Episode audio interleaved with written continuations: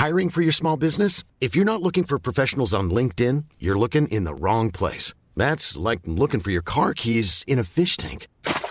LinkedIn helps you hire professionals you can't find anywhere else, even those who aren't actively searching for a new job but might be open to the perfect role. In a given month, over 70% of LinkedIn users don't even visit other leading job sites. So start looking in the right place. With LinkedIn, you can hire professionals like a professional. Post your free job on linkedin.com slash people today.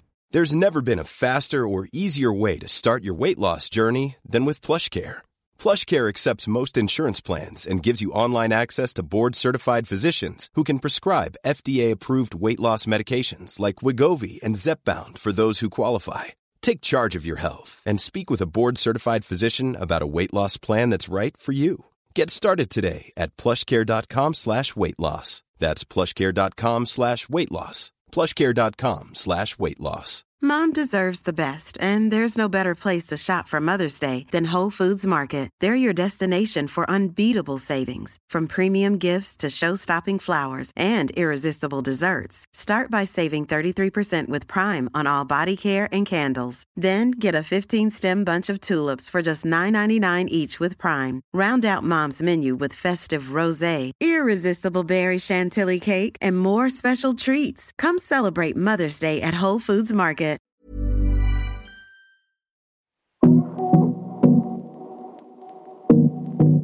Varmt välkommen till Karriärpodden Ledarskapssnack.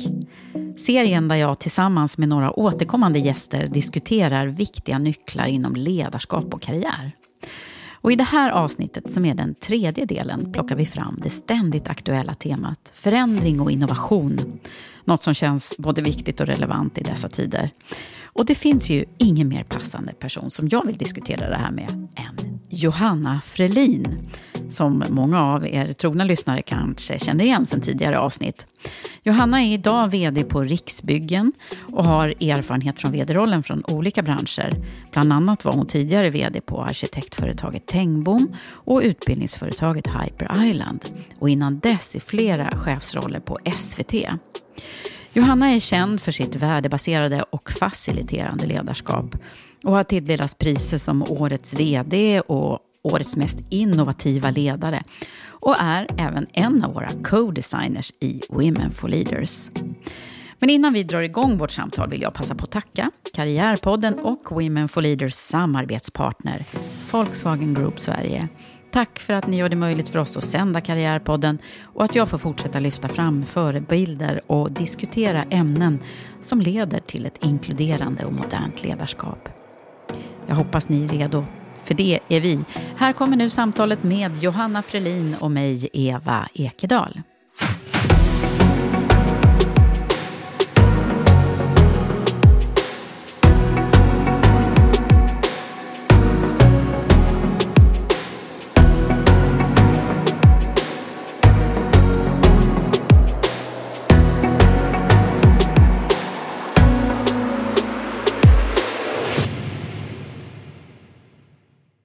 Johanna Frelin, välkommen till Ledarskapssnack i Karriärpodden. Ja, men tack Eva.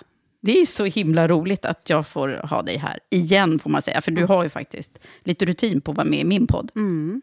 Det är några gånger. Ja, det är några gånger. Och det är lika härligt varje gång, för man sitter här på din veranda och tittar ut över snöfallet. Och, mm. ja, men så bra. Var det snö första gången du var med? Det kanske inte var. Men, jo, men jag tror det var det. Ja, jag kanske bara är här på vintern. Men det är liksom, för mig är det en uh, tid för reflektion. Mm. Uh, och den behövs ju. Ja, den gör ju det. Och jag blir så glad också för att nu får jag liksom krypa in under skalet på dig. Mm. Eh, och kanske lite på och mig jag också. Och på dig, ja. tänker jag. eh, men du, alltså anledning till att jag... Eh, ja, dels så har ju du blivit önskad som min, en av mina stammisar. Mm. Eh, och vi, ska känna, vi känner ju varandra ganska väl vid det här mm. laget, eftersom mm. vi så här, jobbar ihop i Women for Leaders Premium. Exakt ledarprogrammet, där du är en av co-designerna. Mm. Det, ska vi, det kan vi redan säga. Vi kanske kommer att prata om det. det ja. kan hända. Men eh, sen, eh, och det är ju sedan massor år. Ja, sen starten helt ja. enkelt. Ja. Eh, och eh, sen så är det ju så att det här ämnet då som jag tänkte att du och jag skulle mm. på något sätt förhålla oss till. Mm. att, att prata om, som vi inte har bestämt så här jättedetaljerat. Mm. Det passade ju väldigt bra. Jag har ju med, liksom med flit valt det här ämnet Mm. när du är här. Och det är ju förändring och innovation. Mm. Och varför då, då? Jo, för att du har ju till exempel blivit utsedd till eh, årets mest innovativa ledare för några år sedan. Eh, så då känner man att man måste ju passa på då. Okej. När man det- har en sån Absolut. Och sen kan man säga så här att jag eh, driver alltid förändring. Alltså, jag, eh, ibland tänker jag så här, men nu ska jag ta det lugnt, nu ska jag vara så här nyckeltals-vd som sitter och kollar på nyckeltal. Och det går typ två dagar. Och sen så är jag helt eh, rastlös och så bara, nej, vi måste ta tag i det här, vi måste driva det här. Att det, det går liksom inte. Nej, det kliar i hela kroppen om att se att saker behöver ändras. Det är så, Så, det jag är. tycker det är väldigt kul. Och det och märks ju. Och, och, och då är du kanske bra på det också. Ja, jag tror att jag är bra på det. Ehm, eller det är jag. Jag är bra på att liksom, eh, motivera och berätta ett syfte till, med förändringar och, och måla upp en bild. Och sen har jag liksom ganska tydlig metodik på hur man driver en förändring. Det är väldigt processorienterat. Ehm, så att jag har fått träna i 23 år nu på att driva förändring. Ehm, så det är klart, då lär man sig också efter ett tag. Det är ganska häftigt. Men om man tittar så på dig personligen, Mm. för det är klart att vi kopplar det hela tiden till, och vi ska ju prata om leda förändring såklart, men vad betyder förändring för dig? Ja, jag bara säger, det är en skitbra fråga Eva. För att ska man leda förändring, Ja. då måste man också fundera på hur är jag i förändring? Ah, Eh, därför att det ökar ens empatiska förmåga att kunna se och vad innebär att mina medarbetare tänker nu när det är förändring. Nej, men förändring handlar väl liksom egentligen om en förflyttning. Ehm, att det ska vara, man tänker att någonting ser ut som det gör. Och sen så tänker jag ofta på förändring som ett kaleidoskop. Du vet att man, Pärlorna ligger i ett mönster och sen vrider man och sen helt plötsligt bara allting lagt sig i ett nytt mönster. Ehm, och så tänker jag på förändring. Inte så mycket som så här Gantt-scheman. nej, utan mer som att det är en successiv steg för steg förändring. För att ofta uppnår ju inte förändringen på riktigt förrän alla har tagit ett litet steg. Och säger man till alla så här, vi ska gå mot nordost, ja men då vet de som står där du står exakt var man ska gå. Men några kanske står norr om nordost, då ska ju de gå åt nordväst kanske. Så att det, förändringen kommer vara väldigt olika för olika personer i olika roller. Och en själv. ja, Eh, och personligen har man ju också det mer eller mindre lätt för Absolut, det, är- så är det. Men som till exempel, kan du tänka ut en förändring som du har varit med om och hur du reagerade på det?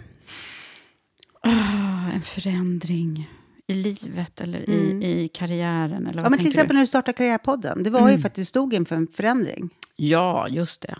Det är ju faktiskt en ganska... ja, det har jag säkert pratat om tidigare, men jag gör det igen då. För att det, var, det är en ganska så här, vägskäl i mitt liv. Ja. Eh, för då hade jag eh, ju varit väldigt allvarligt sjuk. Ja. Legat på sjukhus länge och det här är ju inga hemligheter längre. Jag har en inflammatorisk tarmsjukdom som är jättestökig med mig mellan varven. Och då hade den varit så allvarlig så att jag nästan trillade av pinn. Ja. Eh, och då blir man ju så smart, brukar Mm. jag säga. Eller åtminstone så fick jag ju väldigt mycket tid att liksom reflektera. Eh, då jag var inte på mitt vanliga jobb och, och var chef för det här rekryteringsföretaget och sprang runt Ja. och tjänade massa pengar och gjorde affärer. Och, För det var ju det jag gjorde, var jag så Ja. van vid. Eh, att, att vara så driven av det Mm. också. Och helt plötsligt så var det bara så här, nej men hallå, vad, vad ska jag? Vad, ska jag, vad blir mitt bidrag till, Ja. till livet? Eh, alltså jag började tänka så här stort och existentiellt blev det. Mm. ju. Så här, vad, vad, varför lever jag och vad, vad, vad, ska jag göra av mitt liv ja, de resten av dagarna som förhoppningsvis är kvar då, när jag, när jag väl liksom fick medicinen som, som hjälpte mig. Ehm, ja, och då kom jag på att, och det här är ju nästan tio år sedan. Ja. Så det är tio år sedan och man kan säga så här att det var en kris som utlöste det. Ja. Och förändring ledde till innovation. Eh, jag tänker Så det är så det hänger ihop Ja, lite grann. Att, eh, att du behövde en förändring för du kunde inte fortsätta ditt liv som vanligt för då du höll på att trilla av pinn. Mm. Eh, och då, det här förändringsbehovet ledde också till innovation. Mm. Men om jag skulle säga, då har du haft Karriärpodden i tio år och jag antar att det blev en bebis. Jag tänker vi kan leka en liten lek, Eva. Är du med på det? Åh gud, det här känns som du har, du har ju preppat det här. Alltså. Nej, Fast men jag är inte här- förberedd. Nej. Nej. nu låtsas vi att jag är din chef. Vi, det här är mediebolaget, Eva Ekedals med, Mm. eller det är inte Eva, det är Johanna Frelins mediebolag. Jaha, ja det är ju inte Ja. helt omöjligt heller. Och jag är, är, är din chef och du har drivit den här karriärpodden. Du drevs av stor passion när du skapade den och sådär. Och nu kommer jag till dig och säger så här, du har gjort det här jättebra Eva, men eh, det här blir din sista säsong. Eh, till sommaren kommer vi lägga ner Karriärpodden eh, och vi kommer inte göra mer. Jag börjar Eh, redan nu att känna, åh oh, nej, börjar gråta. Nej, det gör jag inte. nej, men hur känns det? Nej, men det, ah, det gör ju nästan ont i själen när du Ja. säger det. Nu ska vi lägga ner. Ja. Men det, jag jobbade på SVT väldigt länge. Mm. Och vi la ju ner och startade program hela tiden. Och alltså, folk blev ju helt knäckta när man la ner. För man lägger ner så mycket av sin själ i ett ja, program eh, som Karriärpodden. Men då tänker jag så här, för att eh, nu när du har fått det tråkiga beskedet. Eh, hur kan du komma till acceptans i det då? För du kan inte påverka det här eh, Nej, det är beslutet. bara ett beslut. Ja, vi har inte råd längre. Alltså, så här, Karriärpodden drar in för lite cash helt enkelt. Ja. Vi måste lägga ner. Du måste lägga ner för vi är, inget, vi är ingen NGO, utan så är det. Nej. Ja, jag skulle nog, alltså, om jag ska vara riktigt ärlig, liksom, så det här skulle nog behöva lite tid. Mm. Ja. Jag, för jag skulle säkert få så här, lite, blir ledsen och Ja. liksom, det är massa känslor ladd, som är kopplat Ja. till att jag har lagt ner så mycket Ja. själv i, i, i det här.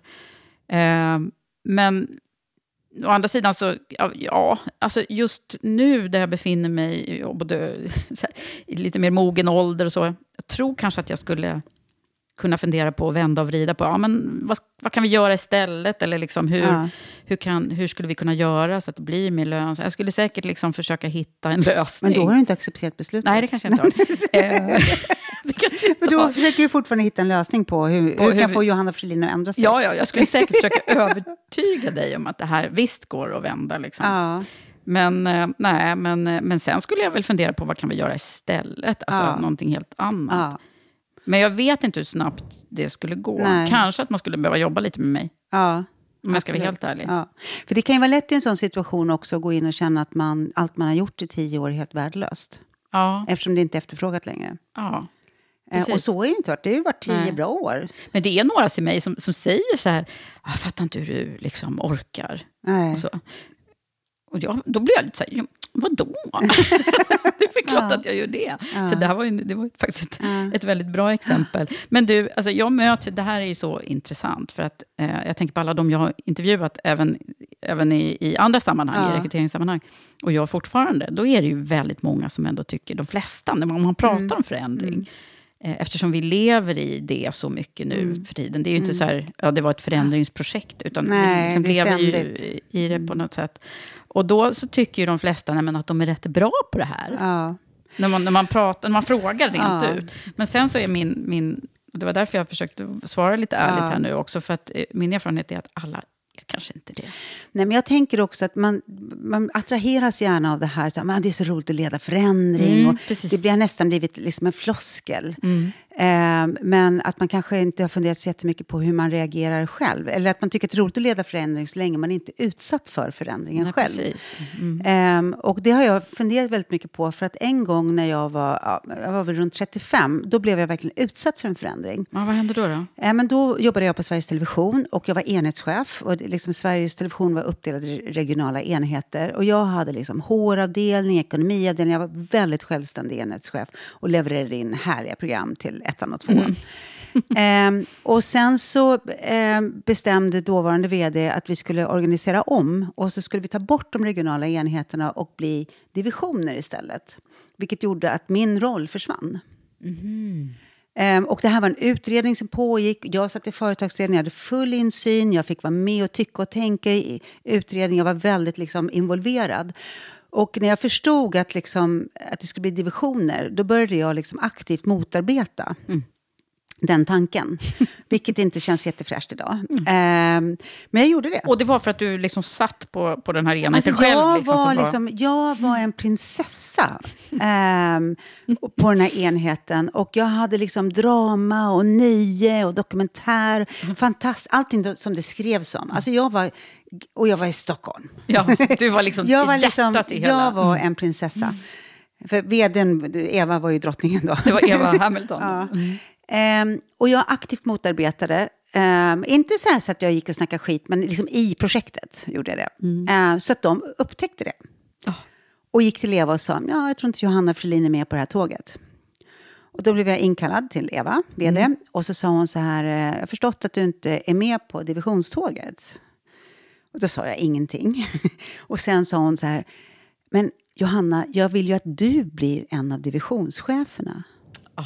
Och då tog det ju tio sekunder. Så, Så jag bara, jag är med va. Och sen blev jag ju en av de som drev divisionsförändringen.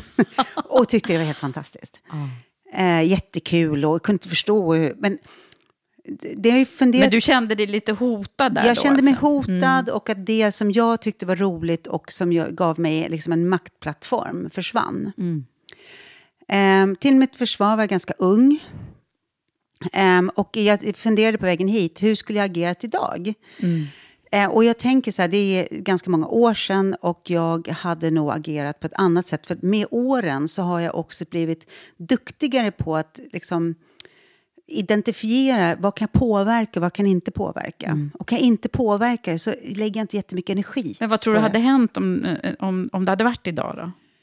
Nej, men då hade jag nog liksom tänkt så här, är det här, liksom, det här är styrelsens beslut, eh, jag kan inte påverka det. Då hade jag nog väldigt snabbt funderat så här, men vad är jag i allt det här? Vad vill jag i allt det här? Och så hade jag liksom hittat en ny vision för mig själv. Och följt den. Så det hade gått liksom snabbare Jag för... tror att det hade gått på några minuter idag. Eh, Men det hand, jag tänker också, det handlar både om det lärandet men också att eh, på den tiden då identifierade jag mig jättemycket med att vara högchef på SVT.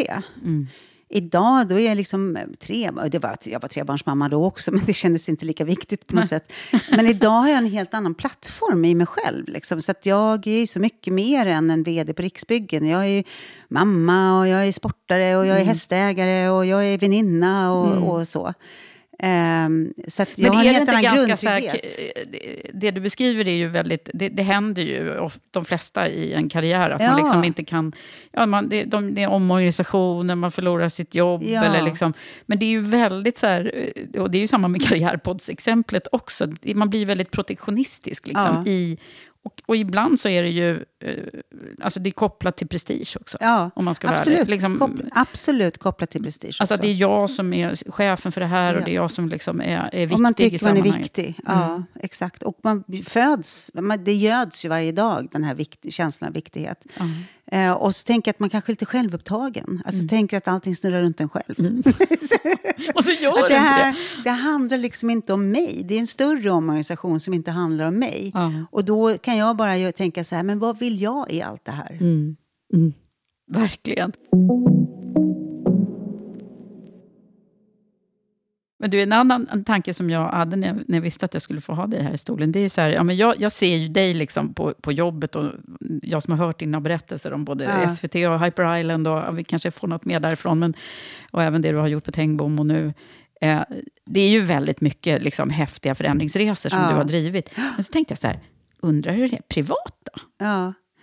Ah, Jag gillar inte... Det är samma man och det är Ja, familjen jag tror att och det är hästarna ja, och alltså, hundarna. Mm. Jag, alltså, skulle du fråga min familj, då skulle de nog säga att jag är ganska fyrkantig. ja. Ja, men vi kan åka på semester två veckor i Thailand. Jag äter samma mat till lunch varje dag. Ja, det är så. Ja, jag, jag tycker det är jätteskönt att slippa fundera på alla val. Men jag gillar vokade grönsaker, jag köper det. Ehm, och jag vill inte flytta. Så att liksom det här med förändringsbenägen, det kan, det kan te sig lite olika Ja, i och olika jag, ja, situationer och jag och sammanhang. tänker också att, absolut, och jag tänker också att man kan inte förändra allting. Man kan inte jobba med förändring på alla hörn i livet samtidigt. Nej. Ehm, därför att det orkar man inte, helt enkelt. Utan, och jag tänker också där handlar det om så att ja, men jag är så himla trygg hemma, jag har en bra plattform, jag har en man jag har varit ihop med i nästan 30 år. Ehm, det ger ju mig en massa trygghet och energi att gå ut och härja lite i arbetslivet, helt enkelt. Mm, just det. Ja, men det där, för det där vet man ju liksom i livscykler och i livskriser. Så Mm. då, om man liksom, då brukar man ju prata om de här olika hörnen, liksom, att man måste ha...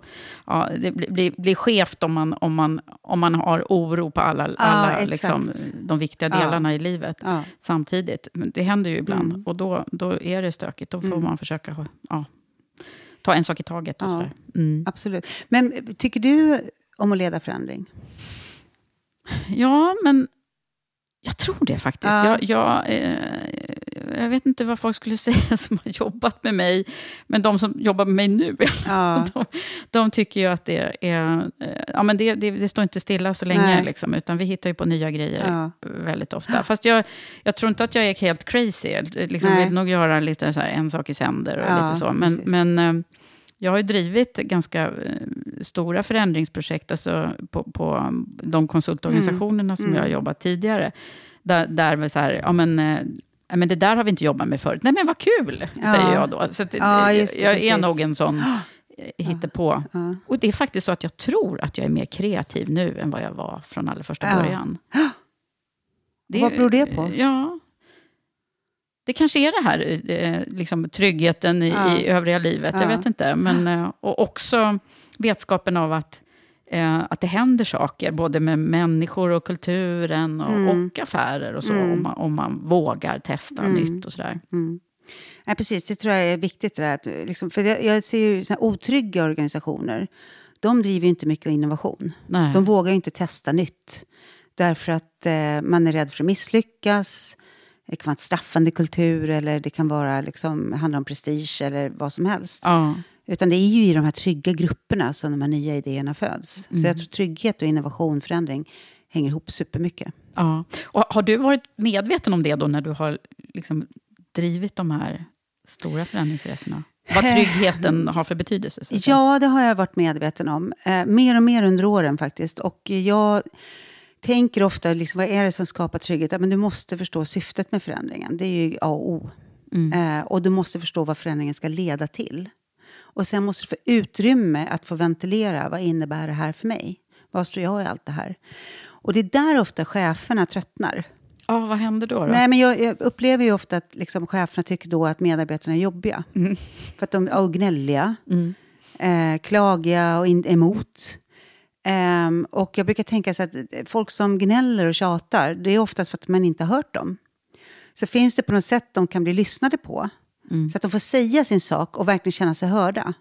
Då är folk mycket mer benägna att gå vidare. Man släpper de här käpphästarna. Mm. Liksom. Ehm, och, men där har chefen oftast redan gått iväg och lever i förändringen och ser den ljuva morgondagen. Liksom. Ja, just det. Men, Eh, men vad ska väl- man göra då? Om det är, har vi något, något knep här nu då? Om det är någon som sitter på läktaren, som jag eh, brukar säga, Mm. eller någon som in, liksom inte vill vara med, då kan ju det, om det är fler än en, då kan ju det Ja. påverka liksom att, det blir, att det faktiskt hindrar den resan man vill göra. Absolut. Och det finns ju några, några där som aldrig kommer följa med. Ja. Och man ska, jag tycker inte man ska ägna för mycket energi åt dem. Ehm, därför att det tar jättemycket energi av resten av gruppen. Mm. Men de som är liksom mittemellan lite, så sitter på läktaren kanske bara, inte motarbetar men sitter Nej. på läktaren. Mm, de har inte bestämt sig ännu. Nej, de har inte Nej. bestämt sig än. Där tycker jag att man ska alltså, jobba med, man kan jobba i olika workshopformer till exempel. Eh, med att jobba med fördelar och nackdelar med den här förändringen. Risker, möjligheter. En vanlig sån risk och konsekvensanalys som vi faktiskt ska göra vid varje förändring kan man ju faktiskt involvera fler än de fackliga medarbetarna i.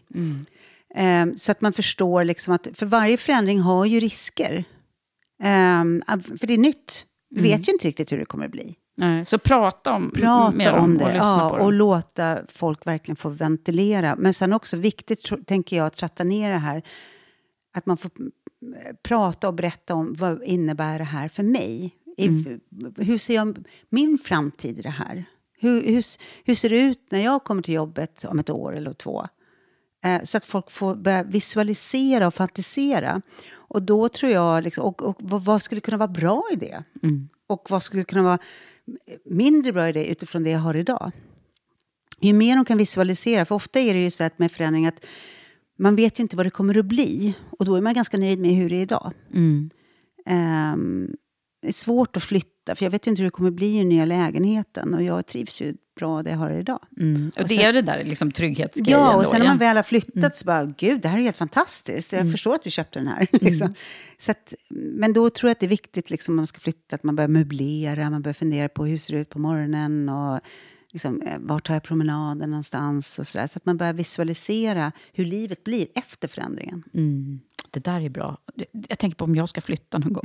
Ja, du vill ju inte flytta, du har ju så fint hus. ja, men om jag ska göra det, då måste jag, då måste jag göra en sån här övning med dig. Ja, men då kan vi ha en liten coach-session här i Karriärpodden Ja, och eh, visualisera för och nackdelar. Vi kan börja möblera. Var ska du ha den där fina soffan du gillar? Och var ska din studio vara någonstans? Och hur kommer det kännas där? Och sådär. Mm. Um, och, Det kanske blir en helt ny podd då. ja, men jag tror ofta att man eh, blir ganska upplyft av det. Att då kan man också se att det faktiskt finns fördelar. För då bor du inte så här mitt ute där det inte finns några restauranger och sådär. Utan du kanske går ner och käkar lunch på någon härlig italienare. liksom. Ja, då sitter jag där och Ja. myser istället. Ja. det där kan jag nästan se framför mig redan nu. Bra där. Men, men du, Johanna, har du varit med om någon förändring själv som har varit riktigt jobbig? I så fall tänker jag att det är en helt personlig förändring när min pappa dog. Mm. Eh, Det är den som kommer spontant i huvudet.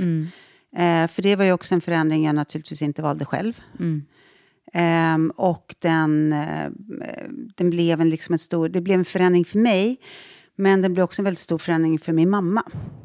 Eh, och större, ännu större för henne. Ehm, och att kunna vara, eller både liksom... Och mitt fokus blev väldigt mycket att försöka hjälpa henne i hennes förändring.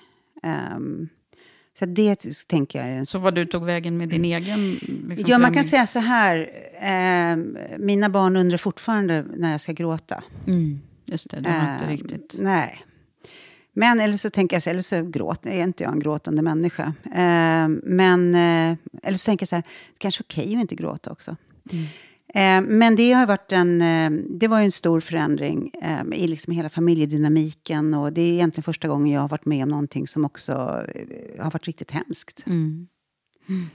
Ja, så det var en tuff situation som du ändå liksom, eller som vi ju, ja det hör ju till livet. Ja, och jag det- tror att det som jag attackerar, liksom, man kan ju lära sig mycket av det också. Mm. Liksom, som jag attackerar den typen av förändringar, det är att gå in i så här, göra, fixa, dona, fixa för mamma, handla åt henne. Mm, du blir så handlingskraftig. Väldigt handlingskraftig. Mm. Ehm, och, eh, och tycker också, och fakta, jag behöver fakta. Mm. Eh, Prata med doktorn, vad händer? Vad händer i kroppen nu? Vad, vad så. Mm. Fakta och kunskap, det, det är ofta sånt som också när man har såna här obehagliga saker som ändå kan... Ja, men min brorsa tyckte jag var makaber som ville veta varenda liten cell. Mm. Så att han ville någonting annat. Mm. Ja, och det får man ha respekt för, att man har Exakt, olika liksom, exakt, ja. strategier i Ja. de där lägena.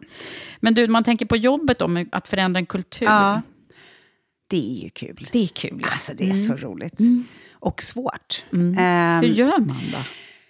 ja, men man måste ju bryta ner vad är en kultur. Mm. Eh, det är ju attityder, beteenden och normer. Mm. Och så måste man fundera på alltså, vilken kultur har vi? Vilka attityder finns här i vår grupp? Vilka beteenden? Ja, vi kommer alltid för sent till alla möten. Eller liksom, Mm. eh, vilka normer har vi? Vad är liksom, eh, sitter i väggarna? Eh, och sen får man liksom försöka jobba med att så här, men hur skulle vi vilja att det var? Kanske utifrån den värdegrund företaget har. Och vilka beteenden, attityder och normer ska finnas i en sån kultur? Eh, och så får man börja liksom leka dem och vara dem. Ha de Ah. attityderna, beteendena.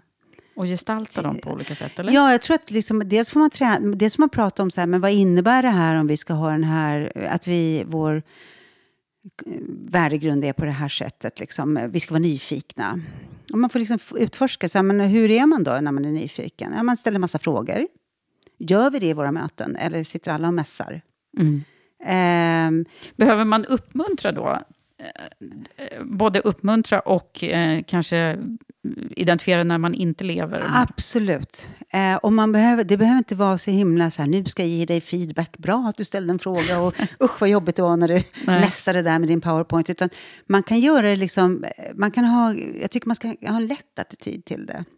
Mm. Att eh, om någon säger ett påstående så kan man be dem bara, här, kan du formulera det som en fråga, en nyfiken fråga. Alltså, Mm. Man kan också skoja om, för människor är människor. Eh, och det behöver inte vara så blodigt allvar hela tiden. Ja. Och så får man liksom eh, börja där, i beteenden och attityderna. Om, vi är, om nyfiken är vad vi vill ha. Ja, men vad innebär det när jag kommer till receptionen på morgonen? Mm. Vad innebär det när jag går på det här mötet? Vad innebär nyfikenhet när jag läser den här rapporten?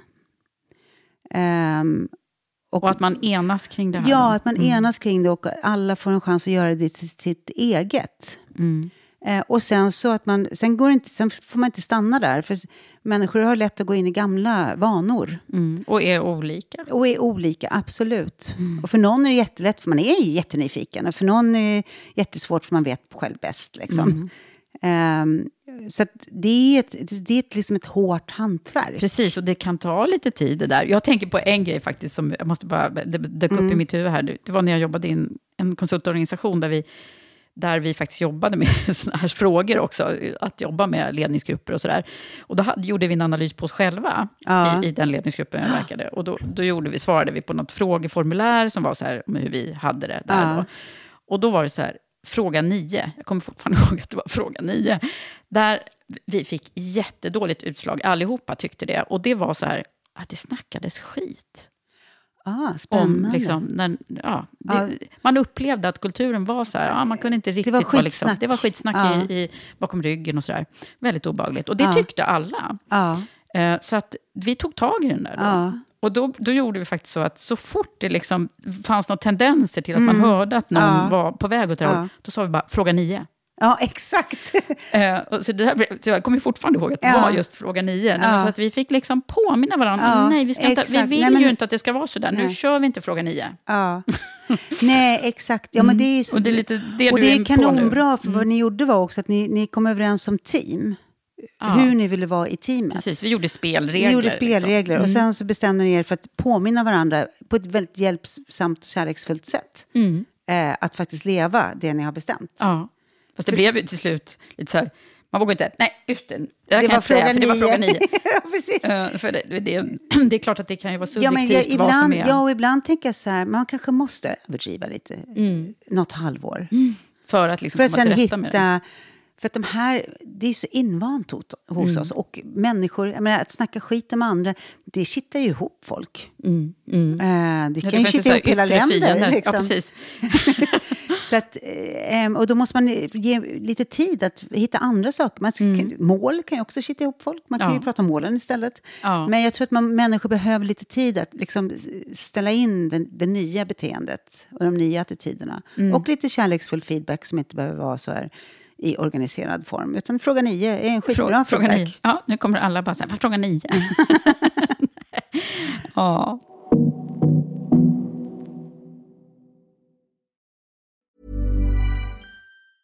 There's never been a faster or easier way to start your weight loss journey than with PlushCare.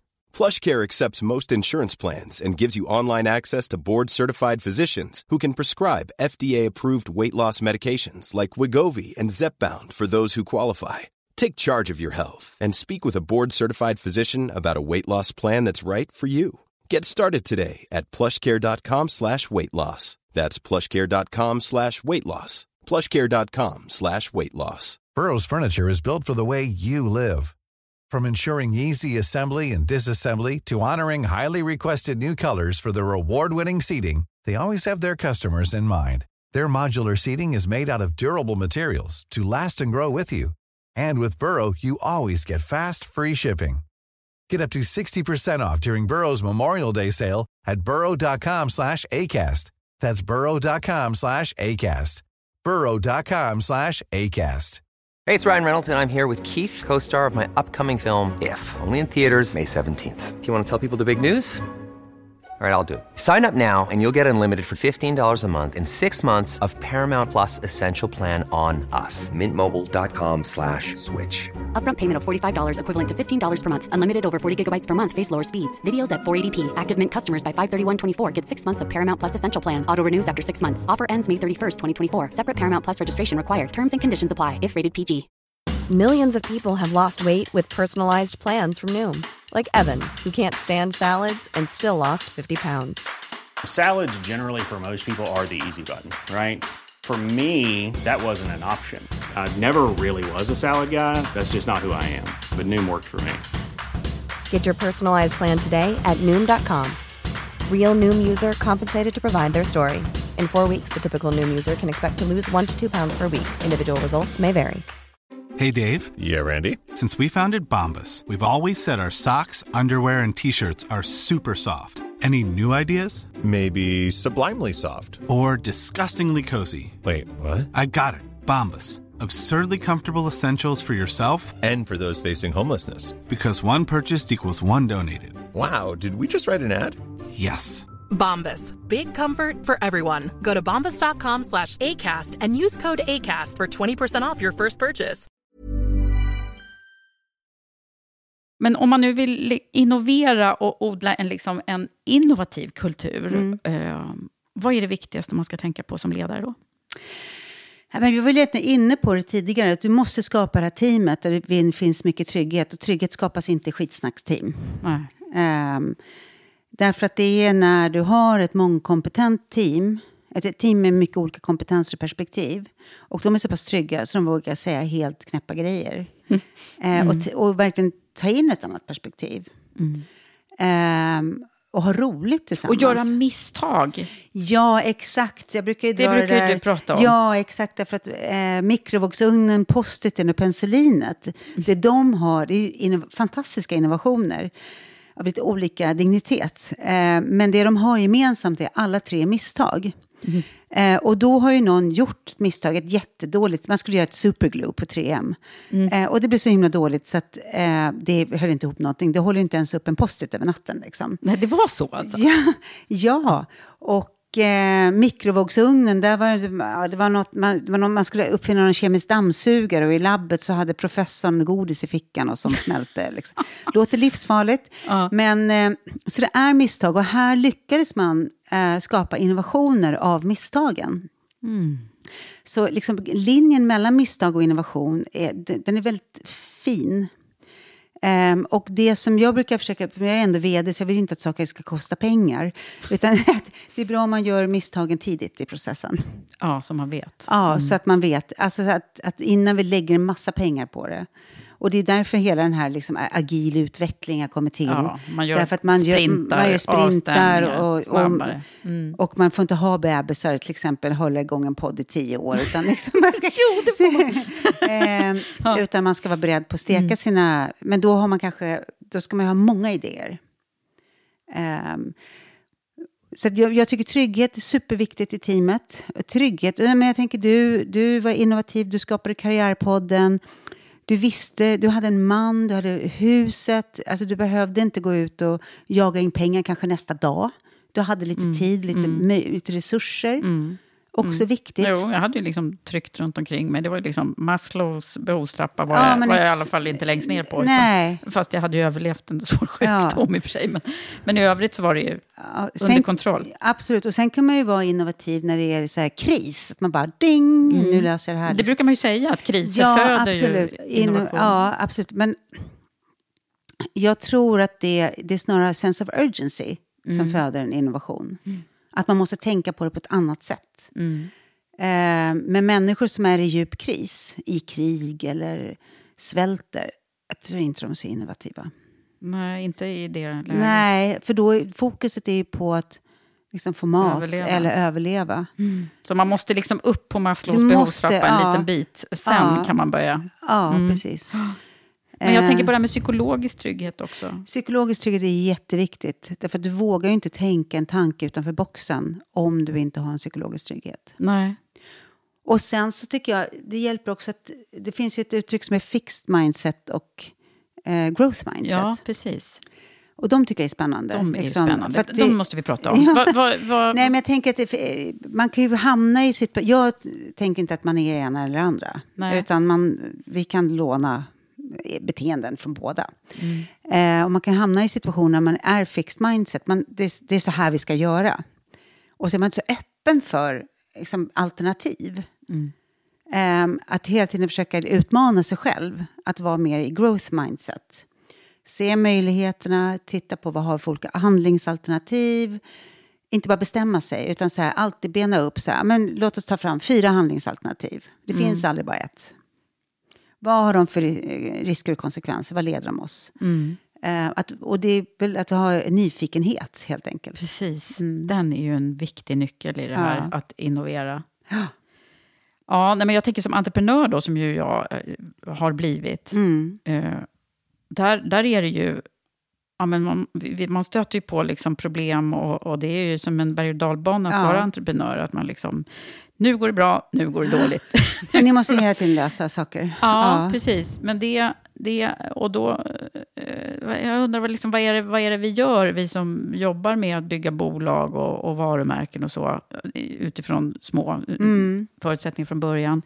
Men det är ju det här att, att liksom våga testa och sen också, men det som är också, det som du pratar om här nu med podden, men nu ska vi inte lägga ner Karriärpodden Nej, ännu. nej, nej. Men, nej, men jag tänker alltså att våga också så här, Steka grejer. Mm. skrota de grejerna som inte visar sig vara så himla bra. absolut. Men det har vi faktiskt gjort några gånger Ja. redan i Women for Leaders. Så Ja. att liksom, nej men det där, nej, Ja. det där, var, det där ska vi inte göra något mer. Ja, precis. Och, det tycker jag man kan fråga sig själv, är att den flyger det här? Mm. Ehm, flyger det egentligen? Mm. Eller är det bara att vi vill att det ska flyga? Mm, precis. Ehm, för jag tycker det är en bra bild också. För att om någonting inte flyger, det, det känns. Mm. Eh, hur mycket arbete vi än lägger in i det så flyger det inte. Liksom. Nej, precis. Att det liksom är mot, Mm. motstånd, både kanske finansiellt men också, också att det är svårt. Liksom. Ja. Att marknaden inte vill ha det, fast man Nej. ändå vill. Så, här, Ja, liksom, man kan det ju vara ganska att många gånger. borde väl ha det. Ja, vi, vi var faktiskt inne i det eh, tidigt i Women for Leaders historia, att vi liksom tyckte att det, här, det är det här som är lösningen. Liksom. Ja. Det, det här ska vi ge marknaden. Men marknaden var inte alls Nej. eh, på samma bok som vi. Och där tycker jag att du pekar på en annan sak som är viktig för innovation. Mm. Det vill säga, det måste lösa ett riktigt behov. Mm. Eh, för annars är det ju en gadget eller någonting som är nice to have. Mm. Men riktig innovation, det löser ju ett verkligt behov som faktiskt ingen annan har tänkt på behöver lösas. Mm. Precis. Eh, och det behöver inte vara ett gigantiskt behov som... Eh, ja, det finns ju massa innovationer här i världen. Det kan vara små Mm. eh, behov. Men så är det ju, men man, som jag nu gör också, pitchar på, på vår nya innovation som vi ju faktiskt har i Women for Leaders, som vi ska berätta väldigt mycket mer om i podden, men inte riktigt ännu. Eh, men där, eh, där är det ju så att vi... Jag har fått lära mig det. Det här kan ju alla Mm. som håller på med entreprenörskap och pitchar. Det är ju så här, första sliden Mm. ska vara så här, vilket problem är det du löser? Ja. Eh, så det, det börjar ju verkligen bli Exakt. invant, tror jag, Ja. i det sättet eh, som vi jobbar med innovationer över, överlag. Men jag tänker på en annan grej när jag... Gud vad jag pratar. Ja, det är jättebra. Pratar jag för mycket nu? Nej, då, du är bra. Du är bra som det är, va? nej, men, nej, men jag tänker att eh, det var faktiskt på, på IDG när jag jobbade Ja. där i, i många år. Eh, som, jag hade hand om konsultorganisationen där då. Men där hade man ju en av värdegrunderna, och det här var ju ganska Mm. tidigt ändå i, eh, i innovationskulturen som vi lever i så mycket mer nu, tänker jag. Men då hade man ett värdeord som var så här, let's try it attitude. Mm. var liksom en av tio som stod i tavlan på en Ja. tavla i receptionen. Liksom. Och det, men det där var faktiskt så. Ja. Man liksom vågade prova. "Ja, Men nu ska vi testa med det här nya affärsområdet här. Ja. Eh, och, och, och den vdn, Lastamén, som var vd där när jag var där, han, han, han var ganska öppen för det där. Ja. Så det var liksom, ja men tror du på det? Bara, Han "Ja, levde det. Ja. Vi, vi kör då. Ja. Ända tills jag liksom, ja, det fick ju bevisa då förstås att det skulle flyga också. Men, men jag lärde mig ganska mycket där om att, vad, vad det betyder mycket att man så här bara, ja men vi vågar, vi, vi prototypar, Ja. vi testar. Ja. Bär det sig så bär det. Precis, och det är ju en av, eh, också en annan, du bara levererar tegelstenar för eh, liksom innovation här, det är ju att ha en ja och-attityd Mm. istället för nej men-attityd. Och det är ju det som han gjorde. Han sa Mm. ju där, ja, och vi gör det här. Så att man bygger hela tiden på någons idé. Eh, Så fort någon säger nej, då, då stannar ju kreativiteten. Mm. Och man kan tänka på improvisationsteater till exempel. Det har jag spelat en hel del. Ja, för då är det så att ehm, om du går på improvisationsteater så kommer du aldrig höra någon säga nej på scenen. Nej, de Därför inte det. den, då- men om jag säger så här, ska vi gå och dansa? Och den säger nej, då tar ju pjäsen slut. Just så att det är ju väldigt givet. Jaha. Så att därför så hör du, alltså improvisationsskådespelare, de säger alltid ja, och vi har blå kläder på oss. Ja, gud Och det är lite samma som med när du jobbar Stämmer med innovation. Att om du, om du har människor som säger nej i processen, då tar innovationen slut. Mm. Eh, Och då vet du inte vad det här skulle kunna leda den här innovativa processen. För det tar slut. Mm. Så den är kanonbra. Man kan också träna på innovation genom att liksom man kan träna sig själv att vara ett lite det innovativt mindset. Eh, genom att eh, till exempel sätta upp en övning för sig själv och teamet. Så, men hitta på så många sätt du kan hur man kan använda ett gen som möjligt på en minut. Eh, för att komma in i det här. Liksom, så här att, Träna sig. eh, träna sig. Gem, det, det, man kan ha det till fler saker än att sätta upp papper. Man kan veckla ut det och ta hål i örat. Man kan veckla ut det bara en liten bit och ha det som hårspänne. Alltså det finns massa Mm. olika. Men att behöva trä, börja träna på att ett gem är inte bara ett gem. Nej, man kan ett gem kan vara en helt annan sak. Ja. Men det- nu, alltså, gud vad vi går igång här nu. För nu, nu jag, bara, det var bara några veckor sedan så jag var ute i en ledningsgrupp och körde Disney-modellen med dem. Ja. Och den, den brukar jag göra med, med på premium-programmet Ja. också. Eh, där man får befinna sig, där man får tvinga sig i och vara i olika stadier som Walt Disney. Nu, nu berättar jag den då. Mm. Eh, det sades ju att Walt Disney, när han började kreera eh, de tecknade fantastiska filmerna, Ja. det hade man ju inte innan. Nej. Då insåg han att de här kreatörerna, Mm. de, kan inte sitta på, de kan inte arbeta tillsammans med de här som är lite mer realister Nej. och liksom handlingsinriktade och kanske till och med eh, ja, pragmatiska. Liksom. Utan han satte dem på olika våningsplan, Ja. sägs det. Ja. Eh, och den här övningen går det ut på att man får, vara, man får befinna sig på de här olika våningsplanen. Eh, en gång i taget. Liksom. Mm. Och då för alla, oavsett om man är en superkreatör Mm. eller jag-sägare, som har lätt för det, eller inte får försätta sig i den. Liksom. Och då får, får man bara säga ja och hela tiden, eh, när, när det kommer nya idéer. Och vad som helst är möjligt och sådär. Mm. Ja. Men sen får man gå ner på ett lite mer realistiskt plan. Så här, okej, är det någonting Mm. här som vi kanske måste plocka bort för att det, det känns inte relevant eller sådär. Och sen på, på nedersta eh, huset, om man säger. Eh, Nu ritar jag i luften här, Ja. men på nedersta våningsplanet så, så får man då bli liksom lite mera så här, nej men det här, lite krasst, där får man ta bort Exakt. och göra en handlingsplan utifrån det. Och då kan man ju säga så här, utan att han visste om det så jobbade han enligt Double Diamond-metoden Ja. som en innovationsmetodik. Och det, det bygger ju på det faktum att det är olika hjärnhalvor som är kreativa och kritiska. Och om du är kreativ och kritisk samtidigt, alltså det, det går inte riktigt. Utan du behöver skapa rum, för att nu är vi kreativa. Nu är allt okej, vi kan komma på galna grejer. Det betyder inte att vi ska göra alla. Utan det lämnar vi till den kritiska fasen. Det är då vi tvättar, vi sorterar bort, vi ifrågasätter. Och i en workshop, om man, ska ko- komma, liksom, om man behöver lösa någonting, så är det skitbra att liksom sära på de där. Att nu är vi kreativa i tio minuter eh, och sen så är man kritisk i tio minuter. Och då måste, vissa personer måste vara, eh, få, vara trygga med att de kommer också få vara kritiska.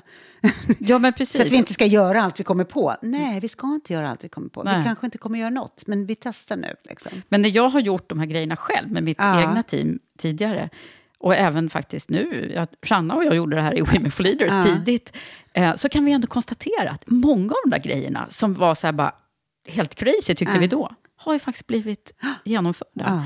Så att om man vågar drömma så har man vunnit så Ja. mycket mer. Så det är väl det som är, inte det som är innovationskontentan av det? Jo, precis. Och det är ju att ha den här visionen och att liksom tänka stort. Och jag vet att när jag var på Hyper Island så var det så här, men vad är stort liksom? Ja, men driva skolor i Karlskrona, Stockholm, det är inte stort. Ja, men vi ska, liksom, vi ska förändra ett land, sa vi. Först sa vi så här, vi ska jobba med Google. Vi ska lära Google digitalisering. Lite blygsamt. Men tre år senare då startade vi tillsammans med Google, Google Academy. Ni gjorde det. Och sen sa vi så här, vi ska, för, då var ju det gjort. Vi ska förändra ett land. Eh, och sen fick vi faktiskt möjlighet, jag kan inte säga att vi förändrade ehm, eh, Sverige helt, men vi fick möjlighet att jobba med regeringskansliet. Och då tyckte vi ändå att vi hade uppnått det. Ja, det var ju nästan ett helt land där på kuppen. Ja, men det var ju coolt. Ja, Ja. men jag tror, tänk stort, absolut. Allt är möjligt. Det är det där growth mindset. helt Precis. enkelt. Ja, men det, det, det, det går att göra det här, även om man inte... Kanske alla har inte den läggningen. Och jag vet inte så här, för min egen del om jag hade det ordentligt från början. Jag tror att jag också har tränat lite på det här. Ja, det mesta. För jag är nämligen inte uppvuxen med någon som sa ja, allt är möjligt. Nej, det var så här, lite mer håll dig på mattan. Mm. Ja. Men det handlar ju också om att bejaka livet, tänker jag. Att liksom tänka det. Och sen behöver inte allt hända, men ändå att man har ingången i sitt liv. Att ja, men allt är möjligt. Jag ska, ska tänka stort. Mm, verkligen. Ha, nu börjar vi komma till, eh, till slutet på Nej! vårt samtal. Nej, nej, jag vet. Ja, jag jag vill vet. inte. Men, men eh, jag, så här, som, som, som avslutning på det här kapitlet, för vi ska ta en lyssnarfråga också. Mm. Men eh, vad skulle du säga så här, om du fick innovera Ja. vad som helst? Ah, vad skulle du göra då? då? Ja, jag är väldigt störd över vår, vårt klimat. Ehm, och att vi sitter här, det är full snö och det är april på lördag. Ehm, så det skulle absolut kopplas till eh, klimatet. Mm. Jag tycker inte det går att egentligen tänka någonting annat. Nej. Nej. Så tror jag, älskar alla som är så här miljöingenjörer och som håller på med det här och skapar batterier av ingenting. Och Mm. Det tycker jag är, det är de riktiga hjältarna. Ja, det är ju det om man ska Mm. tänka framtiden. Mm. Mm. Kan, vi Du ta, då? kan vi ta ut... Ja, för mig blir det så här, kan vi utrota krig Ja. på något sätt? Mm. Avskaffa vapen? Ja. Nej, men det är ju inte någon innovation direkt. Men det- alltså att, att på något sätt utrota elakheter. Ja, Nej, men galna människor med för mycket gevär, det liksom borde innoveras bort. Ja. Nu har vi kommit på det. Ja, precis. Gud vad bra. Men du Johanna, nu har vi ju fått lite lyssnarfrågor. Ja, Vi la ju ut så här, nu är det dags för podd med... du ser, om jag hade sagt nej nu, då hade ju programmet varit slut. Men nu Ja. säger jag ja. Ja, det, ja. ja och. Nej, men och det har ju kommit eh, flera bra frågor. Den, den här låter så här, den, Ja. jag bara väljer den. Ja. Bästa tipsen för att leda i kris? Nu behöver vi komma samman 2023. Exakt, för jag tror att de flesta företag just nu upplever någon typ av kris. De flesta branscher, de flesta affärer. Ehm, och det, jag tycker att det är superviktigt att man ehm, upplyser och vågar berätta för alla medarbetare vilken kris vi har i samhället, i världen. Och på vilket sätt det påverkar just oss. Ehm, och sen så, och ehm, sen tänker jag att man ska ha attityd. Vi pratar ju om attityder mycket eh, som chef. Man ska försöka vara en gran. Eh, och det kan ju vara konstigt. Och inte ha klä- grankläder på sig. Nej, Nej, vad tänker utan du? Jag tänker så här. Att när du går i korridoren, när du går till jobbet, när du har dina möten så ska du vara djupt rotad som en fura. Mm. För ju mer det blåser runt omkring dig desto mer dju- djupt rotad måste du som ledare vara. Annars så kanske du förvärrar krisen. Mm. För om cheferna börjar vackla, blir nervösa och stressade eh, och ser ut som sju svåra år så skapar ju det en väldigt tumult i organisationen. Mm. Utan det måste finnas... Du måste stadigt. utstråla ett, Mm. ett så här, Det är kris. Men jag kommer leda det här företaget genom krisen. Vet inte exakt hur kanske, men det kommer att bli okej. Mm. Och att liksom vara, ha lugnet som man utstrålar på det- något sätt. Men- Ja, lugn, rotad, lyssna. Eh, men var tydlig med den, den fakta man har. ja. Så Eh, öppen med information, kommunikation. Helt öppen med information och kommunikation. Och jag tycker ju den här krisen, likaså i pandemikrisen, det var ju otroligt svårt att veta facit. Ja, det var ju ingen som Det visste. var, nej, det var ingen som visste. Och det vet vi inte nu heller. Så du kan ju aldrig leverera facit. Nej. Du kan leverera scenarier, kanske. Mm. Eller eh, du kan le- leverera en chefsekonom Ja, som levererar fakta. Mm. Eh, för människor söker sig till fakta. Så såg vi under pandemin. Gud vad alla googlade på pandemi och Ja. sådär. Eh, man söker sig ofta för fakta och det kan man hjälpa till med, Mm. tänker jag. Men själv vara väldigt, liksom, också faktisk.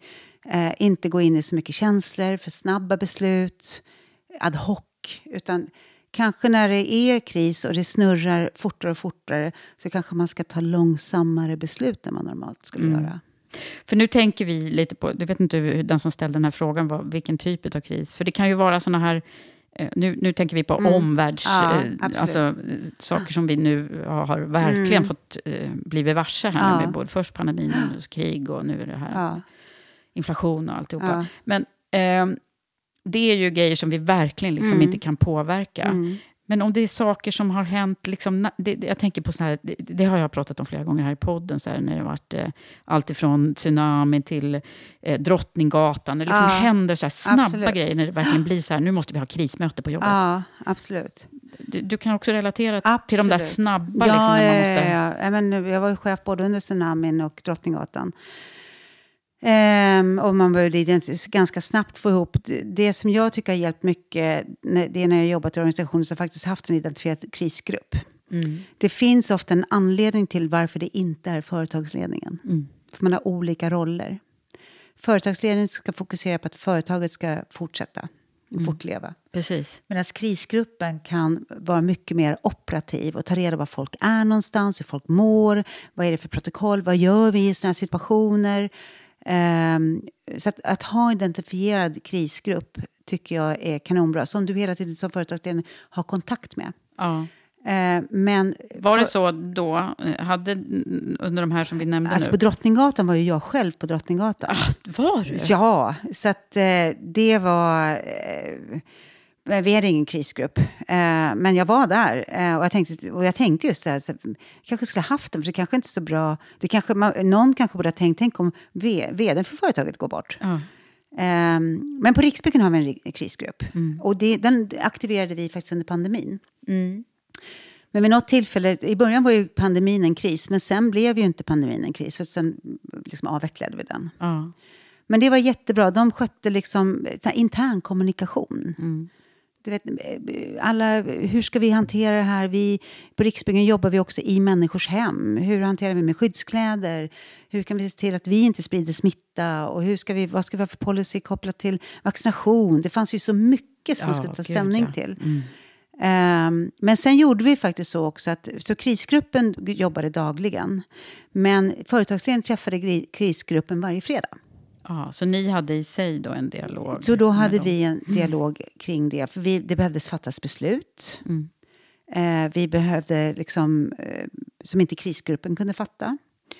Eh, och ibland, så, i början träffades vi nog kanske till och med oftare, men sen blev det så varje fredag. Mm. Och jag tror att ha, liksom, tänka igenom innan att ha en krisorganisation, det är så här vi jobbar i kris, är jättebra. Mm. Har man inte gjort det, då, då kan man, får man sätta upp det direkt. Mm.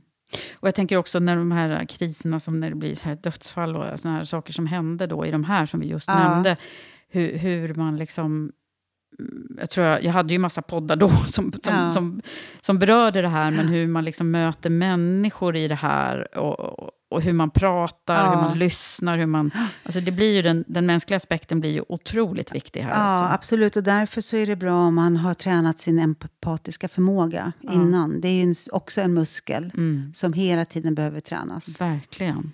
Um, och att vara empatisk, att vara lugn, uh, att lyssna, att uh, försöka sätta, verkligen sätta sig in i den andra människans skor. Mm.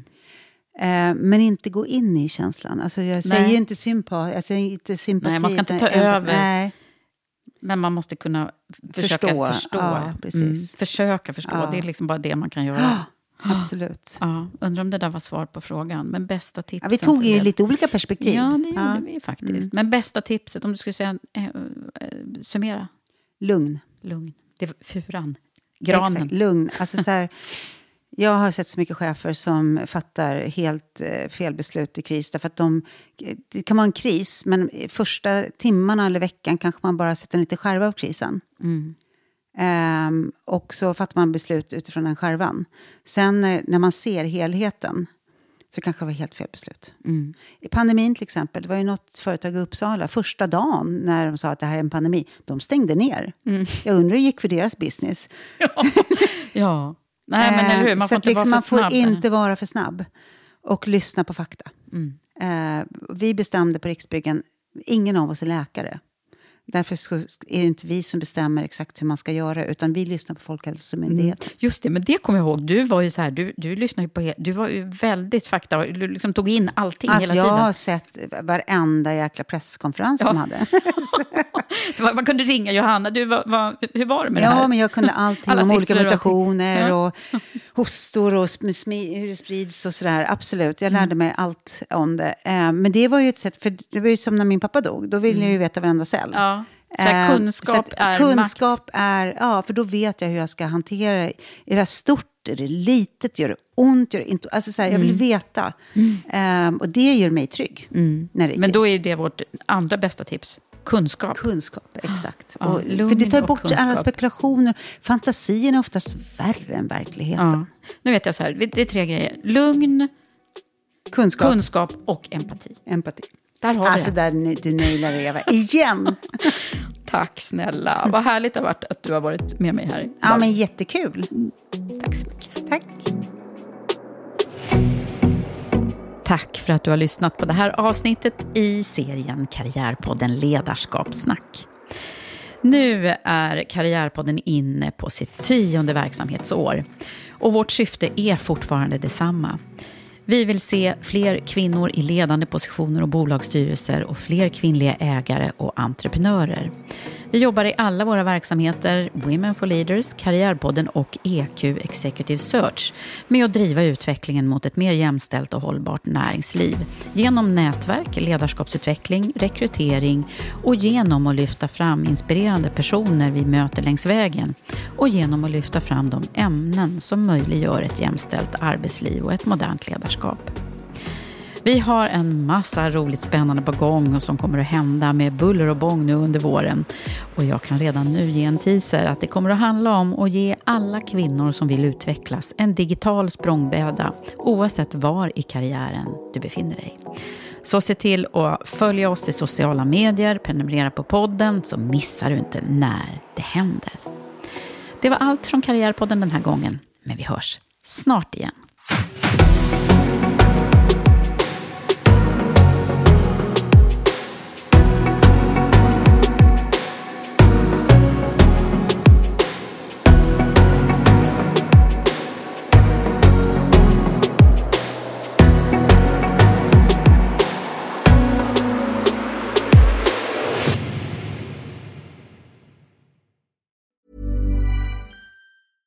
Mom deserves the best, and there's no better place to shop for Mother's Day than Whole Foods Market. They're your destination for unbeatable savings, from premium gifts to show-stopping flowers and irresistible desserts. Start by saving 33% with Prime on all body care and candles. Then get a 15-stem bunch of tulips for just $9.99 each with Prime. Round out Mom's menu with festive rosé, irresistible berry chantilly cake, and more special treats. Come celebrate Mother's Day at Whole Foods Market.